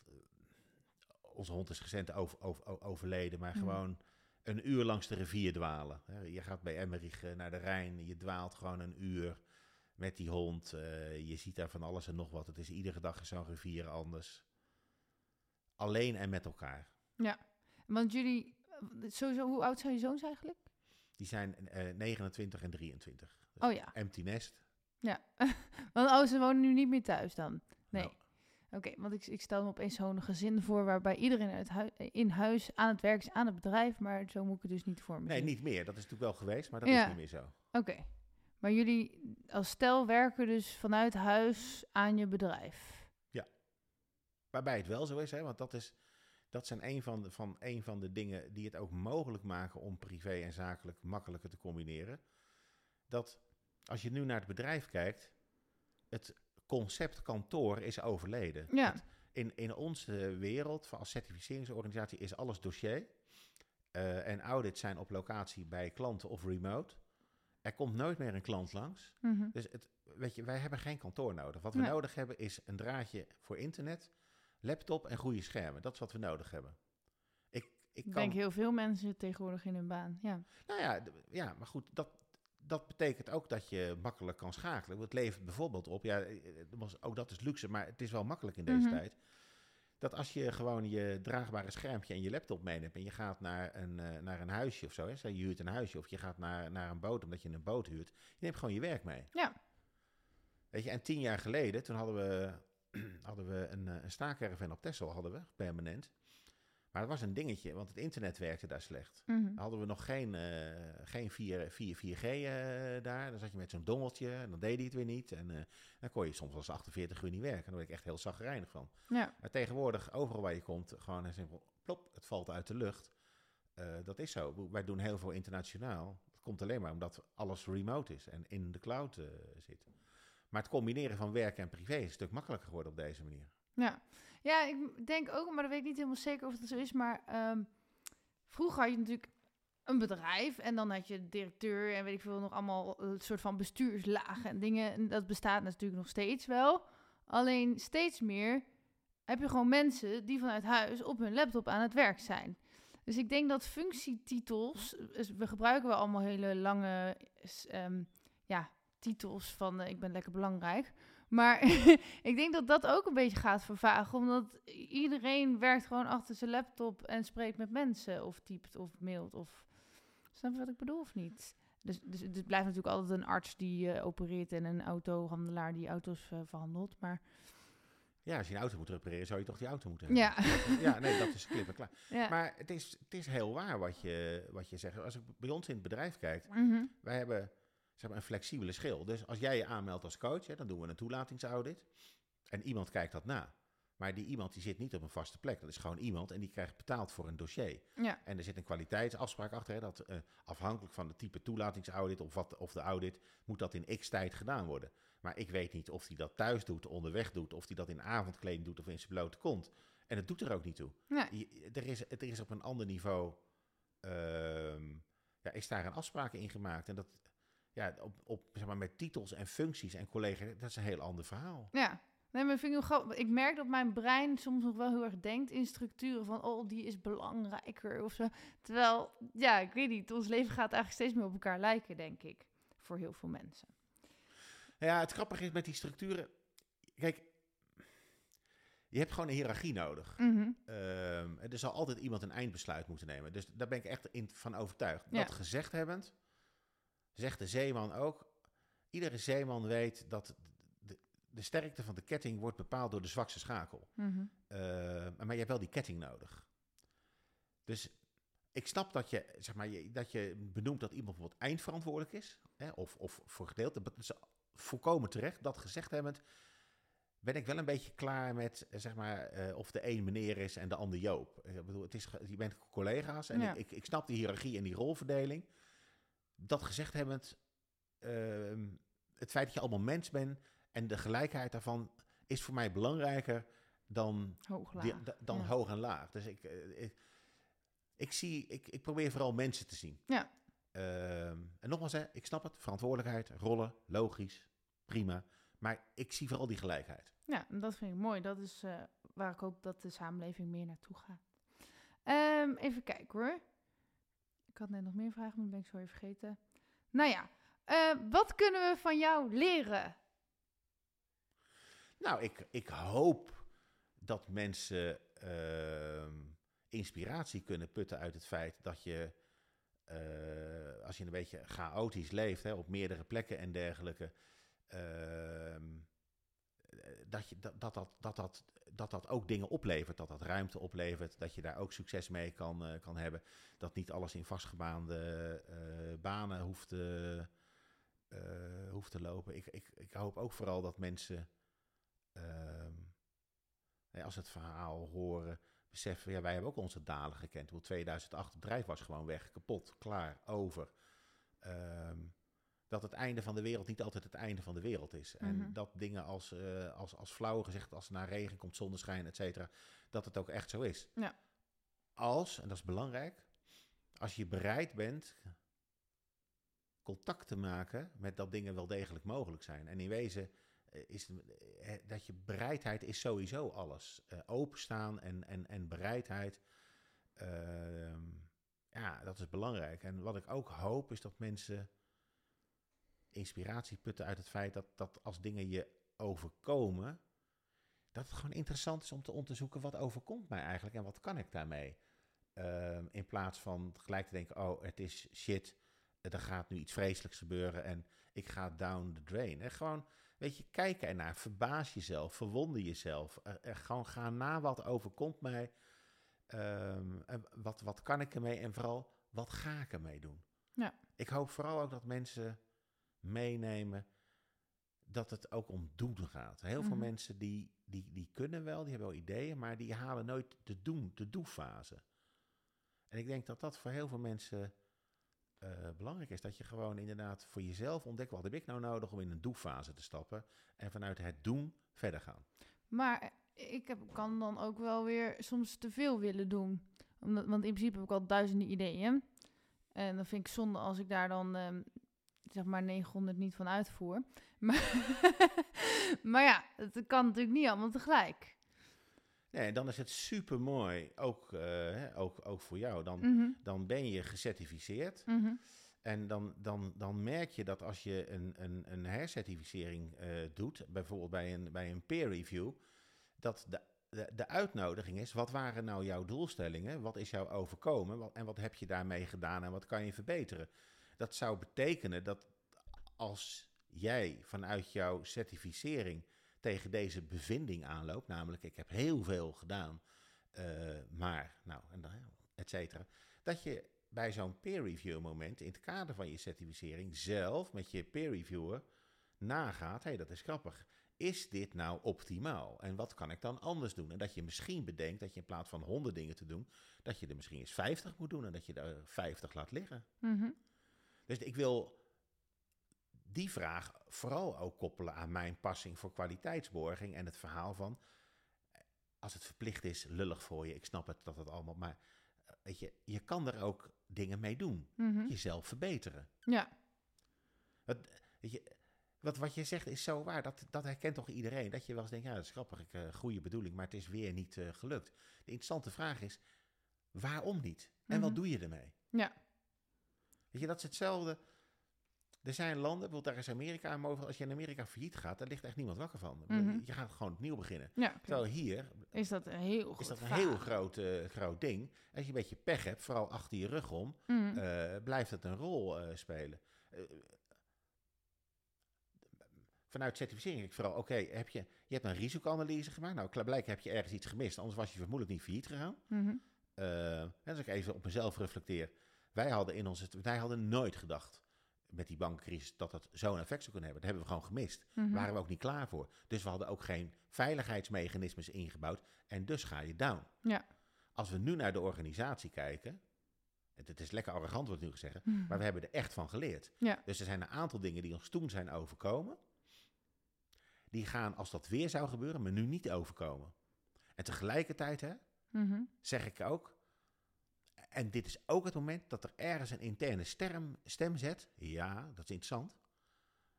Maar je bent toch lekker weer wat vergeten. Ja. En, en dat vind ik mooi. Doe mij dan maar die hercertificering met die peer review. En ga nog eens na. Wat zou ik vergeten kunnen zijn? Mhm. Wat zou nou. Dat vind ik ook mooi van coachen. Dat vind ik ook mooi van mediators. Dat je met mensen gewoon nagaat. Scenario 1, 2, 3, 4. Is er dan ook nog 6, 7, 8? Wat is de beste? Wat missen we? Dat je het van tevoren onderzoekt. Mhm. Dat hoop ik ook. Dat mensen op basis van een verhaal als dit. contact maken met, eh, met preventie. Mhm. Ehm, dat, dat heel veel dingen in de kern, als je daarover nadenkt, voorkomen zouden kunnen worden. Mhm. Dat betekent niet dat ze leuk zijn of dat het makkelijk is. Maar dan gaat het anders dan dat je achteraf moet vaststellen: oeps, ik zit in de shit. Hoe kan ik het nou oplossen? Alleen je weet natuurlijk niet altijd wat je had kunnen voorkomen. Nee, maar jij stelde net de vraag: hoe, Ja. hoe scheid je privé en zakelijk? Ja. Het betekent dat wij bijvoorbeeld met enige regelmaat gewoon met elkaar openlijk de vraag stellen: eh, eh, is het leven nog leuk? Het is een vreselijke open, maar het is gewoon wel: is het nog leuk? Ja. Eh, ervaar jij nog dat je zelf voldoende voldoening haalt uit je leven en uit het werk? Het zijn hele makkelijke vragen, maar de antwoorden zijn vaak niet zo makkelijk. Mhm. Dat is in een relatie eh, ook zo. We- wij hebben door schade en schande, en Lot en ik hebben gewoon geleerd om elkaar met enige regelmaat aan, eh, gewoon aan te kijken. En daadwerkelijk met elkaar de vraag stellen: houden wij nog van elkaar? Waarom eigenlijk? En zouden we nog meer van elkaar kunnen houden? En wat is daar dan van nodig? En, en ehm, weet je, eh, en alle dingen die erbij komen, komen kijken. Vind je elkaar nog leuk? Is intimiteit, is die er nog? Eh, is dat nog voldoende? Ehm, weet je, eh, ja, dat, dat soort dingen. Mhm. Vooraf. En dat is lang niet altijd een leuk gesprek. Want je, soms ontdek je ook dat als je aan elkaar, hè, in dit geval man en vrouw, of met je kinderen of met collega's zo'n vraag stelt. En iemand is daadwerkelijk bereid vanuit zichzelf een oprecht eerlijk antwoord te geven. Kan dat voor jou wel eens een heel ongewenst antwoord zijn? Ja, straks zegt iemand, ik hou helemaal niet meer van je. Nee, maar het, het grappige is, en dat meen ik echt vanuit de grond van mijn hart. Als dat zo zou zijn, Dan wil je het wel weten. dan heb ik liever dat ik dat preventief weet. En dat je met elkaar dan nog nagaat, is dat nog te herstellen, ja of nee? Of dat je dan een, Achteraf. ja. een, een, een exit-procedure met elkaar gaat opstarten. Als dat iemand, want dat is natuurlijk vaak het gevaar in zo'n dat situaties, dat die ander al echt klaar is. Die heeft alles al uitgedacht. En op één moment krijg jij de mededeling. Ja. En je staat gewoon 1-0 achter. Ja. En, en dat is volgens mij, en dat is idealistisch, maar wel de potentiële kracht van bijvoorbeeld iets van certificering. Als jij gaat Mhm. nadenken over, over je risico's, over je processen, dat je vooraf identificeert in een gesprek. En dan is het nog steeds, excuseer, kloten Mhm. als het verkeerd gaat. Maar dan is het wel beheersbaarder. Oké, ik zit even... je komt zo fel over. Eh, wat is nou... Ja, dat is, heel, een hele brede vraag. Wat is jouw levensvisie op de wereld? Eh, en welke onderwerpen vind je daarin belangrijk? Misschien een lastige vraag. Ja, mijn levensvisie op de wereld. eh, ik moet eerlijk zeggen, het, het, wat, het eerste woord wat mij binnenkomt, ik verwonder mij altijd vooral als ik naar de wereld kijk. En ik verbaas me vooral. ehm, en er zijn dingen die zo groot zijn dat ik voor mezelf het interne besluit heb genomen dat het ook te groot is. Dat ik gewoon, dat ik daar ook niet te diep over ga nadenken. Ehm, het- dus eigenlijk, ik, ik, ik weet dat niet precies. Wat, ik, ik, eh, er, komt, er gebeuren zoveel dingen die ik niet helemaal kan bevatten, waarvan ik dan wel eens denk van, eh, ja, het, het is mij gewoon even iets, iets, iets, iets te groot. Ik ga even terug naar mijn eigen kleine bescheiden wereld en laat ik daar lekker in verder eh, lopen. Ik, Ja. Dus dan is je visie, hou het klein. Ja, dat zou best eens kunnen. Ja, dat zou best eens kunnen. Ja, hou het, hou het, hou het, hou het beheersbaar. En ehm, ja, als, je, als het grappig is, als je zegt hou hem klein, wat ik dan, wat dan ook wel naar binnen komt bij mij is, wees gewoon blij met datgene wat er is. Ja. Eh, en kijk vooral daarnaar. Want je kan iedere dag dingen verzinnen, ja, vervelend, het is er niet. Maar er is zoveel wel. Ja. En dat is wat ik wel merk, oprecht vanuit, vanuit mijn hart. Altijd als je kijkt naar wat er wel is, dat is ook die verwondering en verbazing en de dankbaarheid. Wat is er toch veel? Ja. En er is zoveel, dat realiseer ik me ook eigenlijk wel dagelijks, dat ik alles wat er is niet eens meer zie. Nee, want het is- we leven ook echt wel in een overprikkelde wereld van, zeg maar, ehm, je kan overal eten krijgen, je kan overal drinken krijgen, je kan overal, overal is wel een dienst voor of een, of een toch? Ja, maar ook met wat je hebt. Gewoon, we, zijn, we hebben een container verscheept met spullen naar Afrika. Dan moet je keuze gaan maken, wat gaat er mee? En dat je echt dingen tegenkomt. Ik zeg, oh, dat is grappig, het is hartstikke leuk dat ik het heb. Ik wist niet meer dat ik het had. Ja, Weet je, dat, gewoon, er is zoveel. en Eh, toch denken we dat we nog iets nodig hebben. Vaak. Nou ja, we zijn enorm gericht op meer. Ja, Ja. Ja, en ik ben ook niet zuiver in de leer, want ik heb nog heel veel dingen die ik wel, wel wil. Maar nogmaals, ik realiseer me echt, dat, ja, ik hoop dat mensen dat van me kunnen aan en willen aannemen. Ik realiseer me iedere dag, ik heb zoveel, dat heel veel dingen inderdaad, je, je, je- je ervaart ze niet. Je weet het wel, maar je moet het ook echt oproepen. Ja. Weet je, het is een beetje het verhaal van, eh, dat is ook leuk vanuit de NLP, 7 plus of min 2 in, impulsen. Iets wat je iedere dag ziet, zie je niet meer. Dat is met heel veel dingen eh, die heeft ook, daarom ook binnen die relatie, ik vind het echt super tof dat Marlotte en ik regelmatig die vraag stellen. Houden we nog van elkaar? Ehm, is het nog leuk om met elkaar te zijn? Is seks nog leuk? Eh, zien we elkaar nog? Het voordat je het weet is het 7 plus of min 2 en zijn er een aantal dingen die je niet meer ziet. Mhm. Ja. En ehm, heb je ja, dat lijkt me ook gek als je al heel lang met dezelfde persoon bent, maar dat heb ik nog nooit meegemaakt. Maar eh, zie je dan nog dezelfde persoon als op het begin? Of zie je iemand ook heel erg veranderen? Want dat is ook een beetje. Ja, als je heel lang bij elkaar bent, en wat is lang hè, wat wij Mhm. zijn dan zometeen, 16 september, 30 jaar getrouwd. Het is helder dat je allebei ziet dat je allebei veranderd bent. Wat belangrijker is dat we allebei zien dat we erin geslaagd zijn al die veranderingen zodanig met elkaar in te richten dat we nog steeds bij elkaar zijn. En Ja. dat we eh, in, eh, vol- volgens mij allebei echt oprecht kunnen zeggen, ja, we zien elkaar nog, we houden oprecht nog van elkaar, we willen nog bij elkaar zijn. Ja, we zijn vreselijk veranderd. Ja. En dan, maar ik denk wel samen heel erg naar elkaar, als ik het zo hoor, hè, naar elkaar toegegroeid, omdat je ook heel veel samen doet. Als, maar ik, voor de rest ken ik natuurlijk helemaal niet jouw relatie. Nee, maar, nee, maar, maar inderdaad, je groeit naar elkaar toe, maar soms groei je ook uit elkaar. Dat, dat is ook iets wat je, ehm, wat je, wat je ervaart. En wat, misschien, wat, wat wij bijvoorbeeld ervaren hebben, is dat wij we, we kunnen gewoon goed met elkaar spreken. We hebben daar, hè, je hebt dat ook afgesproken, we doen dat met elkaar, dat gaat best wel goed. Er zijn twee mondige mensen die bereid zijn om eerlijk en open met elkaar te spreken. Maar het gevaar is dat er dan ook heel veel woorden gewisseld worden. En dat je het woord wel kent, maar dat je soms op zoek moet naar de ware betekenis van het woord. Weet je, de kaart is niet het gebied. Wat we er een keer mee gedaan hebben met z'n tweeën, is zeggen: oké, we kunnen best goed praten met z'n tweeën, maar begrijpen we elkaar nou echt? En is er een andere manier om na te gaan, gewoon, net als met certificeren, dat je het Mhm. verifieert? Klopt het? Wat we eraan gedaan hebben met z'n met z'n tweeën, zei: weet je wat we gaan doen? We gaan, naar een, eh, we gaan een massagecursus eh, doen samen. Ehm, dan weet je dat je je waffel moet houden, maar dat je fysiek moet nagaan, klopt alles nog? Nou, als je dan een massage koppelt aan een thema en je moet met elkaar gewoon fysiek, met, met, met het aanraken van elkaar, met handen eh, en, en, en eventueel andere dingen die je daarbij inzet, ontdekken of het congruent is, kan ik niet ontkennen dat je soms hebt vastgesteld dat de woorden die uitgesproken zijn in de praktijk toch een andere duiding eh, krijgen. Gewoon in gewoon Nederlands. Als je dan masseert in je, in joh, ik, ik voel dat het niet oké is aan je lijf. Maar ik dacht dat het oké was. Als ik de woorden tot me neem, dan is het oké.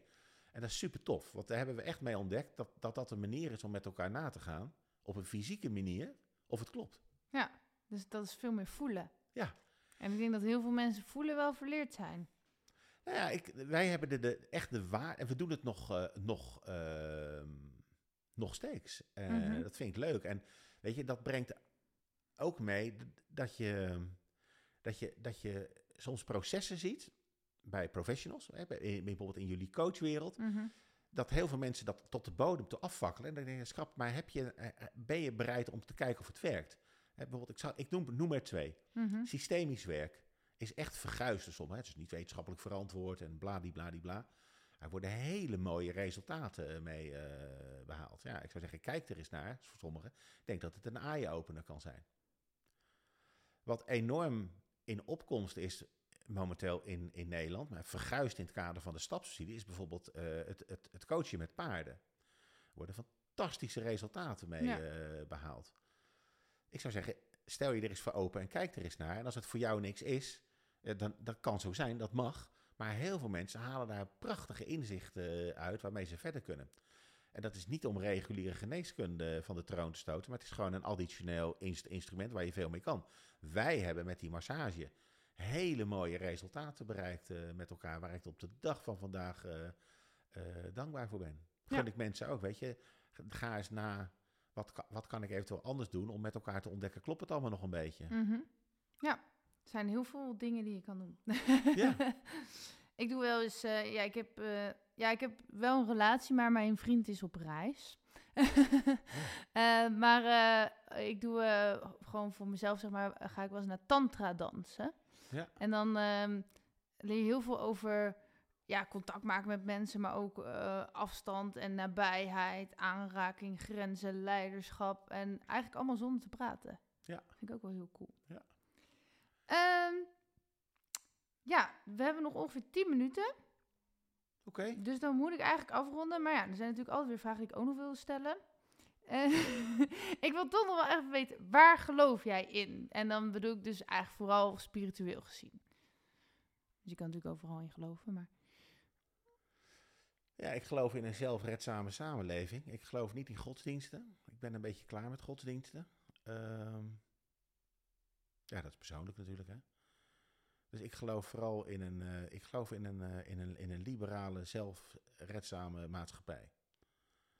Eh, dat is waar ik in geloof. Dat is mijn religie. En ehm, eh, ja, is dat dan van nature al zelfredzaam? Of moet er nog iets voor doen dat het zelfredzaam wordt? Want ik denk, denk dat er heel veel mensen van nature niet re- zelfredzaam zijn.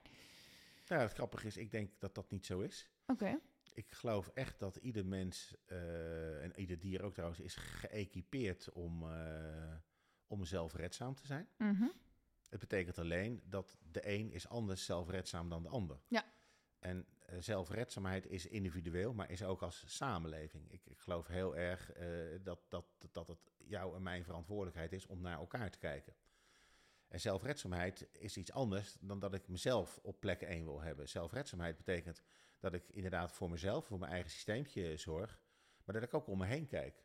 Ehm, en dat je wellicht een bijdrage levert aan de zelfredzaamheid van een ander. Dus als een ander gewoon iets niet kan, en jij kan dat bijvoorbeeld wel, dat je zegt, als ik dat nou voor jou doe, dan kan jij ook verder. Uh, en, en, dat kan simpel zijn doordat je iemand eens een keer gewoon een handje geld geeft. Bijvoorbeeld omdat je iemand iets voor jou doet. Maar dat kan ook zijn omdat je iemand iets leert. Of omdat je gewoon uh, in het kader van, van zorg voor elkaar een taakje overneemt. Al dan niet uh, tijdelijk. Dus zelfraadzaamheid is, voor, is, voor, is, is iets anders voor mij dan e egoïsme. Het is, het is ook om je heen kijken. Mm -hmm. um, en wat het, wat het voor mij vooral is, het is, het is niet wat, wat nu in de samenleving zo is van... het is niet mijn probleem, de overheid moet het maar doen. Mm -hmm. uh, weet je, uh, het, het, uh, het, gaat allemaal kloten, maar een ander moet het maar oplossen. Mm -hmm. Weet je, dat, daar, ben, daar, daar ben ik echt klaar mee. Daar Ja. geloof ik gewoon niet, niet in. We hebben allemaal daarin ook een, een, een, een, in mijn optiek een taak en een rol en een verantwoordelijkheid... zodat een samenleving zelfredzaam wordt... En daar komt hij, en dat is lekker materialistisch en economisch. Het is niet betaalbaar anders meer. We lopen gewoon tegen de grenzen aan. Um, uh, iedereen klaagt dat alles duurder wordt. We hebben de bek vol over de inflatie. Het is allemaal onbetaalbaar. Ja, dat is ook logisch, mensen, dat het onbetaalbaar wordt. Want we willen steeds meer. Maar we gaan er in mijn optiek ook steeds minder voor terug doen. Ja, dan moeten we iets anders doen. Dan moet je misschien inderdaad in plaats van 40 uur werken, 35 uur werken. Dan doe je 5 uur, doe je eens een keer wat anders nuttigs. Uh, Misschien moeten we nog eens een gesprekje hebben over sociale dienstplicht. Uh, het lijkt me helemaal niet zo'n raar idee. Nou, je hebt natuurlijk de maatschappelijke stage nu tegenwoordig. Dat is al een beetje Zo is sociale het. dienstplicht. Een mooie herformulering. Helemaal geen, geen, geen raar idee. Maar in die context zeg ik, nou, ik ben wel een echte liberaal. Ik, die zelfredzaamheid in deze context spreekt mij ja, gewoon enorm aan. Maar ja, ik, ik vind eigenlijk... Want het klinkt eigenlijk wel zorgzaam zoals je het nu omschrijft. maar dan dus niet vanuit bovenaf, maar vanuit onderaf, zeg je eigenlijk. Dus dat, het, dat je dat zelf zou moeten doen. Ja, dat je dat met elkaar uh, doet. Dat dat, Ja. dat een uh, zeg maar, een zichzelf oliënd systeem is. Waarbij ik een, een overheid is een soort facilitator. Dat is iets anders dan dat je ze alle verantwoordelijkheden in de, in de, in de mik uh, schuift. Maar ja, ze maken een aantal dingen mogelijk. Ze structureren dat. Uh, ze, hebben, ze kunnen belastinggeld allokeren. Maar het, het, idee nu van alles moet daarheen en zij moeten alles regelen. Ja, ik vind dat een bizar idee. Dat is hetzelfde dat ik uh, het een bizar idee vind dat we tegenwoordig bij alles roepen. Er moeten meer sancties komen, want dan gaat het werk. Uh, het, het, volgens mij is het een bewezen gegeven dat sancties weliswaar functioneel kunnen zijn, maar over het algemeen niet het beoogde effecten hebben. Nee, volgens mij doe je meer vanuit verlangen dan. Ja. Nou ja, dat is trouwens. Ik had een poosje geleden met Paul Smit een uh, gesprek over filosofie, filosofische dingen. En die zei volgens mij wel, als ik het verkeerd zeg moet zeggen, want ik ben heel bang dat ik het toch fout zeg. Voor mij zei hij dat we eigenlijk door angst toch meer geleid worden dan door, an door andere motivatiemiddelen, zeg maar. Ook al willen we dat niet. Dus dan zou straf wel weer werken. Ja, ik zeg denk dus door pijn ook, zeg maar. Ja, ik zeg denk vooral eens nou over angst. Mm Wat, -hmm. wat, wat is angst nou, nou, nou, nou precies? Um... Maar ja, het is niet de manier hoe ik zou willen. Ik wil niet alleen maar vanuit angst leven. Ja, ik, ik, denk dat je moet nagaan of je angst niet door andere dingen kan vervangen. Ik denk als je angst uit afpelt en je gaat contact maken met begrippen als, uh, zeg maar als zorg, uh, hè, zorg, bezorgdheid, aandachtspunten, uh, verlangens dan kan je daar ook andere dingen aan koppelen. En dan kom je weer bij die, bij die preventie. Hoe kan ik nou voorkomen dat als ik een zorg heb, dat die zorg waarheid uh, wordt? Dan kom je in een andere dynamiek uh, terecht. Ik denk dat angst een enorme. Uh, ja, is gewoon een enorme blokkade. Is een enorme gooi de deur maar dicht verschijnsel. Ja. Ik, ik heb de wijze niet gebracht, maar ik, ja, ook daarvoor geldt probeer daarbij weg te blijven. Als jij denkt dat dat iets is wat jou belemmert, ga daar dan over na. Wat kan je daar dan aan doen dat dat, dat, dat voorkomen is? En ik denk dat, nogmaals, dat zie zelf maar ik denk dat voor heel veel mensen heel veel meer mogelijk is dan dat ze zelf denken. Ja. Maar dat betekent wel dat ze uitgenodigd moeten worden, ook door hun omgeving, om te experimenteren, Mhm. om te ervaren, om te doen. En dus ook te experimenteren met falen. Want je kunt alleen maar succes hebben als je bereid bent om te falen. Ja, absoluut. Weet je, dus en, en zelfredzaamheid, ehm, hè, ook bij jouw professie met coaching, dat is van mij betreft ook zelfred, zelfredzaamheid. Betekent dat je bijvoorbeeld in gesprek gaat met een coach die jou, die, jou- die, die jou eh, helpt eh, na te denken, die met jou reflecteert, die je uitnodigt om vanuit andere posities daarover na te gaan. Ja. Dat vind ik ook het mooie bijvoorbeeld aan, eh, aan mediation en aan mediators. Kijk, rechters, dat is fantastisch. Daar zitten de geleerde mensen die, daar, die daarover nadenken. Het is allemaal prachtig, maar ik geloof er niet in. Hoe mooi is het dat als twee partijen iets hebben, dat ze het zelf oplossen vanuit hun eigen interne overtuigingen tot een oplossing komen die, die werkbaar en proportioneel is en die misschien afwijkt van het recht, maar waar ze mee verder kunnen. Ja. Want dat is ook van belang, hè? dat zelfredzaamheid faciliteert ook dat je verder kan. Ik weet niet of het zo is, maar ik heb het idee dat heel veel mensen niet meer verder kunnen op dit moment. Dat heel veel mensen zeg maar voor een gesloten deur staan, achter een dranghek en gewoon niet meer weten hoe nu verder. Ja, dat is natuurlijk dat is gewoon niet goed. Nee. Dus, we moeten een beetje afronden. maar hoe moeten we nu verder? Dat is misschien wel een mooie bijna eindvraag. Ja, hoe moeten we verder? Ehm, ja. Er is ooit eens een keer, toen Rutte en Wilders met elkaar in gesprek waren, hebben ze overgeroepen, doe eens lekker normaal joh. En eigenlijk, weet je, in, dat was misschien een beetje een bizarre uitspraak van, van, van, van mensen in een kamer. Maar eigenlijk is het natuurlijk een briljante uitspraak. Doe gewoon even lekker normaal. En eh, ik, ik zou dat wel eens, ik, ik zou dat tegen mensen, laten we gewoon even lekker normaal doen met z'n allen. En gewoon een beetje, doe nou gewoon normaal. Denk eens over de dingen na. eh. laten we gewoon eens nadenken, is het haalbaar ja of nee? Is het, eh, is het reëel? Gewoon een beetje eh, normaal doen. Wees gewoon eens tevreden met wat je hebt. Ehm, En tegelijkertijd zo'n avonturier. nou ja, dat is, dat is mijn comfortzone. ja, Ehm, ik bedoel, mijn comfortzone is dat, dat Marlot en ik al hebben ontdekt dat we gewoon niet op één plek willen leven. En omdat we het niet willen, kunnen we het ook niet. En Nee. dus geven we daar aan toe en doen we het op deze manier.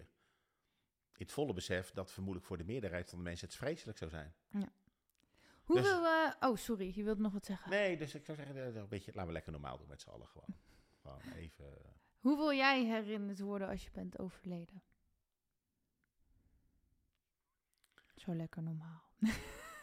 Nou, ik hoop dat, dat, dat mensen mij kunnen herinneren als iemand die, eh, die, die, eh, die af en toe confronterend eerlijk is geweest in hun. Ik realiseer me dat eerlijkheid en directheid soms ook heel hard kan overkomen. Dat dat niet altijd in dankbaarheid aanvaard is, maar dat mensen, als ze gekalmeerd zijn, denken, nou, is grappig, het kwam wel uit een goed hart. Dus dat zou ik leuk vinden. Ehm, en ik hoop dat mensen zien eh, dat we een zelfredzaam eigen leven geleid hebben met oog voor anderen. Dat zou ik leuk vinden. Cool. Ja. En eh, als mensen jou nou nodig hebben, dan wil ik als eerst nog vragen, waar word je, word je het liefst voor uitgenodigd? Of heb je zoiets van, mijn agenda zit bomvol, benader me alsjeblieft niet. Eh, en dan vervolgens, waar kunnen ze jou vinden, zeg maar? Nou, het, het, het, het goede nieuws is, ik ben denk ik in de huidige tijd van internet enorm track and traceable. Dus tik Robert Tettelaar in en op LinkedIn, Facebook, overal vind je me. Eh, dan heb je me ook te pakken als je dat zou willen. Dus als ze via die kanalen contact willen zoeken, laten ze dat vooral eh, doen. En waar wil ik voor uitgenodigd eh, worden? Nou, het- zal mensen luisteren zijn. Ik vind certificeren leuk. Ik hou van kwaliteitsborging. Wil je daarover in gesprek? Nodig me uit. Ehm, vind je het leuk om met een ondernemer te praten over maatschappelijke dingen? Moeten we maatschappelijk inkomen eh, doen? Eh, hoe gaan we om met eh, belastingvraagstukken? Moeten we PC-diensten gaan belasten? Vind ik superleuk. Ga ik graag over in ge- ge- gesprek. Vind je het leuk om in gesprek te gaan met iemand die ook eens in andere culturen kijkt en wil spiegelen? Vind ik ook leuk. En het is heel simpel. Wil je contact, zoek contact. Ik geef altijd contact terug. Soms zeg ik, joh, dank voor je vraag, maar het is niet mijn ding. Ik hoop dat je het begrijpt. En misschien hebben we wel een heel leuk vervolgcontact. Cool. Ik ga ehm, het, eh, ja, ik moet nog een keer een oplossing vinden hoe ik die knop dichterbij krijg. Maar ik ga nu een eindmuziekje aanzetten. En dan mag jij nog een spontane eindquote geven. En ook, die hoeft niet, hij mag perfect zijn, maar hij mag ook helemaal nergens op slaan, zeg maar. Dus eh, niet veel druk, gewoon iets wat er in opkomt. Oké. En dat moet ik doen als jij op het knopje geduwd hebt. Oh, nu dus. Nou, lieve mensen. Ehm, ik heb eigenlijk maar één ding wat ik nog tegen jullie zou willen zeggen op dit moment. In lijn met dit gesprek.